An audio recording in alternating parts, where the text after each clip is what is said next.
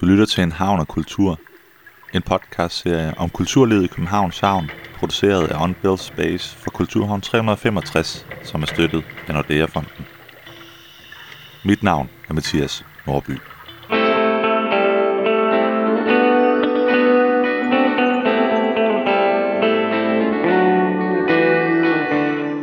I det her afsnit, der sætter jeg fokus på, hvordan Københavns Havn er gået fra at være en industrihavn til at være en havn af kultur og fritid.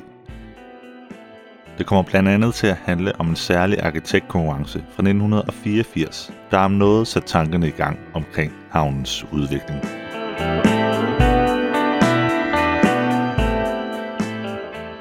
Københavnerne har indtaget havnen i stor stil. Fra at være et larmende, lugtende og ubehageligt sted med store maskiner, er havnen i dag blevet et blåt byrum, der samler alle københavnerne. En mand, der i mange år har beskæftiget sig med havnens udvikling, er professor på arkitektskolen Jens Kvorning. Jeg har derfor taget en snak med Jens Kvorning for at finde ud af, hvad der egentlig ligger til grund for det, Jens kalder for forvandlingen fra den industrielle til postindustrielle havn.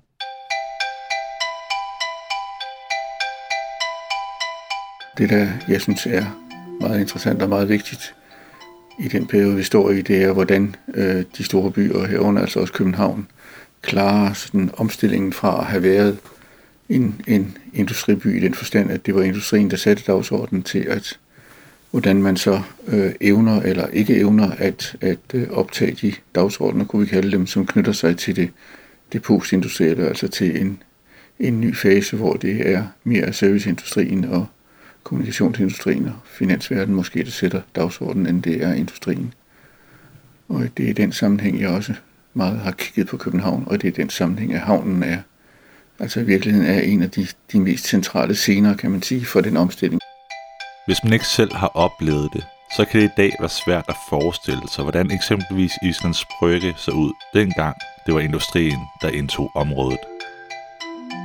Men industrien har en lang epoke været det, der kendetegnede havnen fra nord til syd. Det havnen, der blev, altså tilbage i, i øh, ja, fra slutningen af 1800-tallet op gennem de første 50 år af 1900-tallet, der var det jo ligesom havnen, der, der modtog industrien. Alle de store betydende industrier i København, de lå faktisk ud til havnen. Altså Borgmeister Wayne med sine mange tusind arbejdere, sukkerfabrikkerne, mange andre industrier havde ligesom lagt sig ud til havnen, og, og var dem, der tegnede havnen som et industrielt rum. Og det er det samme industrielle rum, som nu bliver omdannet til noget andet, og altså bærer bærer sådan set omdannelsesprocessen, eller i hvert fald bliver den, den mest synlige del af, af omdannelsesprocessen til en postindustriel dagsorden. I løbet af 70'erne og 80'erne flytter virksomhederne i stigende grad ud af byen og landet. Transportomkostninger bliver mindre, og det kan lige pludselig betale sig at få ting produceret på den anden side af jordkloden. I en lang periode blev det opfattet som et kæmpe problem for byen og dens udvikling. Der kom sådan et kort i, i en af kommuneplanerne fra, jeg tror det var fra allerførst i 80'erne, der havde man et kort med nogle blå pletter, og det var alle de industriområder, der var blevet tomme. Altså, og de var helt klart, da de blev præsenteret der i, i, øh, i kommuneplanen i begyndelsen af 80'erne, der blev det set som et problemkort. Altså det var et problem for København, at man havde tabt de der industrier og dermed arbejdspladserne. Og man så det altså nærmest som, som noget, det drejede sig om at få industrien tilbage. Og så sidst i 80'erne, der, der får man øje på, at det kan forstås anderledes. At de samme, om jeg så må sige, blå felter, altså der, hvor der havde ligget industri før, at det i virkeligheden øh, chancen for at skabe noget nyt. Altså det er der, man kan putte det nye indhold ind i byen. Det, der skal bringe den over til at være den postindustrielle by.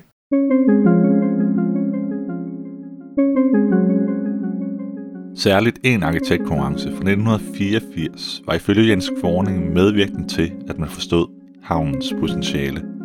Og i den forbindelse er så, tror jeg, eller jeg vil mene, at man stadigvæk skal sige, at havnekonkurrencen altså ligesom var den, der, der sådan gjorde det synligt, hvad for et potentiale, der lå i de der, i de der områder.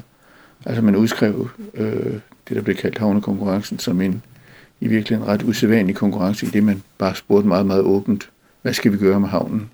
At de fleste konkurrencer, der siger man, vi vil have så mange kvadratmeter dit eller dat, eller vi vil have et nyt hus af den type eller sådan noget. Men her spurgte man bare, hvad skal vi gøre med havnen? Og det betød så også, at, at der kom ret mange forskellige typer af forslag.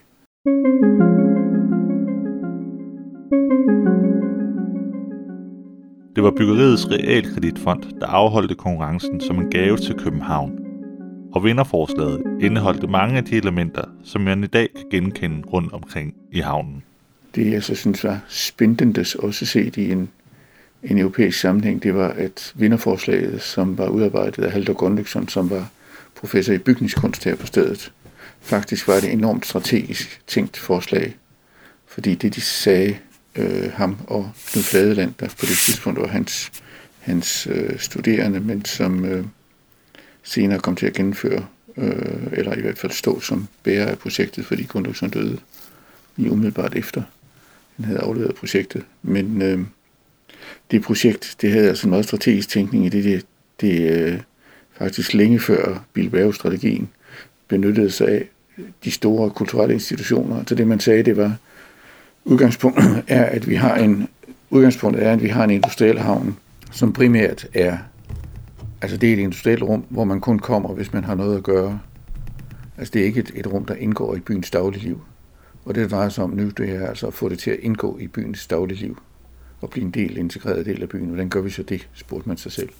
Det gør vi ved at bruge de, nogle store kulturelle institutioner, altså det kunne være et nyt teater, det kunne være et nyt musikhus, og det kunne være en udvidelse af det, af det kongelige bibliotek. Så hvis vi, hvis vi lægger sådan nogle store kulturelle anlæg på havnefronten, så vil folk komme ned og benytte sig af dem der, og så vil man på den måde altså først punktvis, og så efterhånden vil det sprede sig, så man får integreret havnen i byens dagligliv. Fra at være en industrihavn, foreslog man altså i vinderforslaget, at de store kulturinstitutioner skulle være de bærende elementer i havnens udvikling. Og selvom de store kulturinstitutioner spiller en stor rolle i havnen i dag, så kan man, som Jens Korning fortæller her, faktisk også henføre det mere uformelle kulturliv til havnekonkurrencen fra 1984. Man kan sige, den, den første, altså det der lå i, i havnekonkurrencen, altså Grundløgsen og Knud Fladelands forslag, det var jo ligesom, at det var, hvad skal vi kalde det, det formelle byliv, som, som man kunne åbne havnen omkring. Altså det var det at gå i teatret eller gå i det kongelige bibliotek, ikke? som ligesom kommer, man, man regner med, at man kommer sådan klædt i sort eller sådan noget, ikke? fordi nu skal man være pæn. Altså det, det er sådan den formelle side af bylivet. Ikke? Og det der, ja, det der faktisk også var spændende i havnkonkurrencen, det var, at der var et eller to forslag, men jeg husker kun et, øh, som var indsendt af Friluftsrådet, hvor de havde lavet en af, det var, hvad hed han, Claus Dellerat, som var tegneserier og tegner.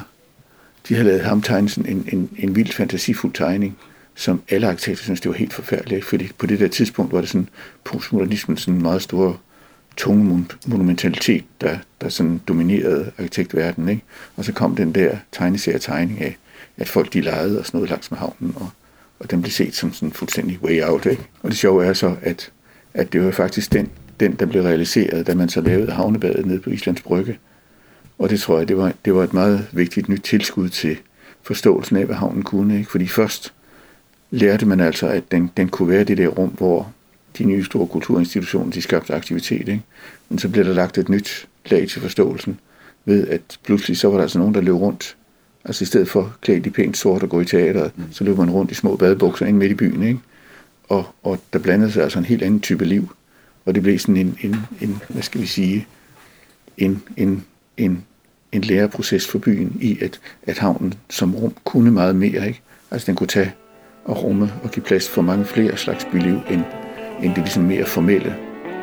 Ja, hvem skulle have troet, at det var en tegneserietegner, der i 1984 måske ramte mest plet med visionen om at skabe en havn af kultur.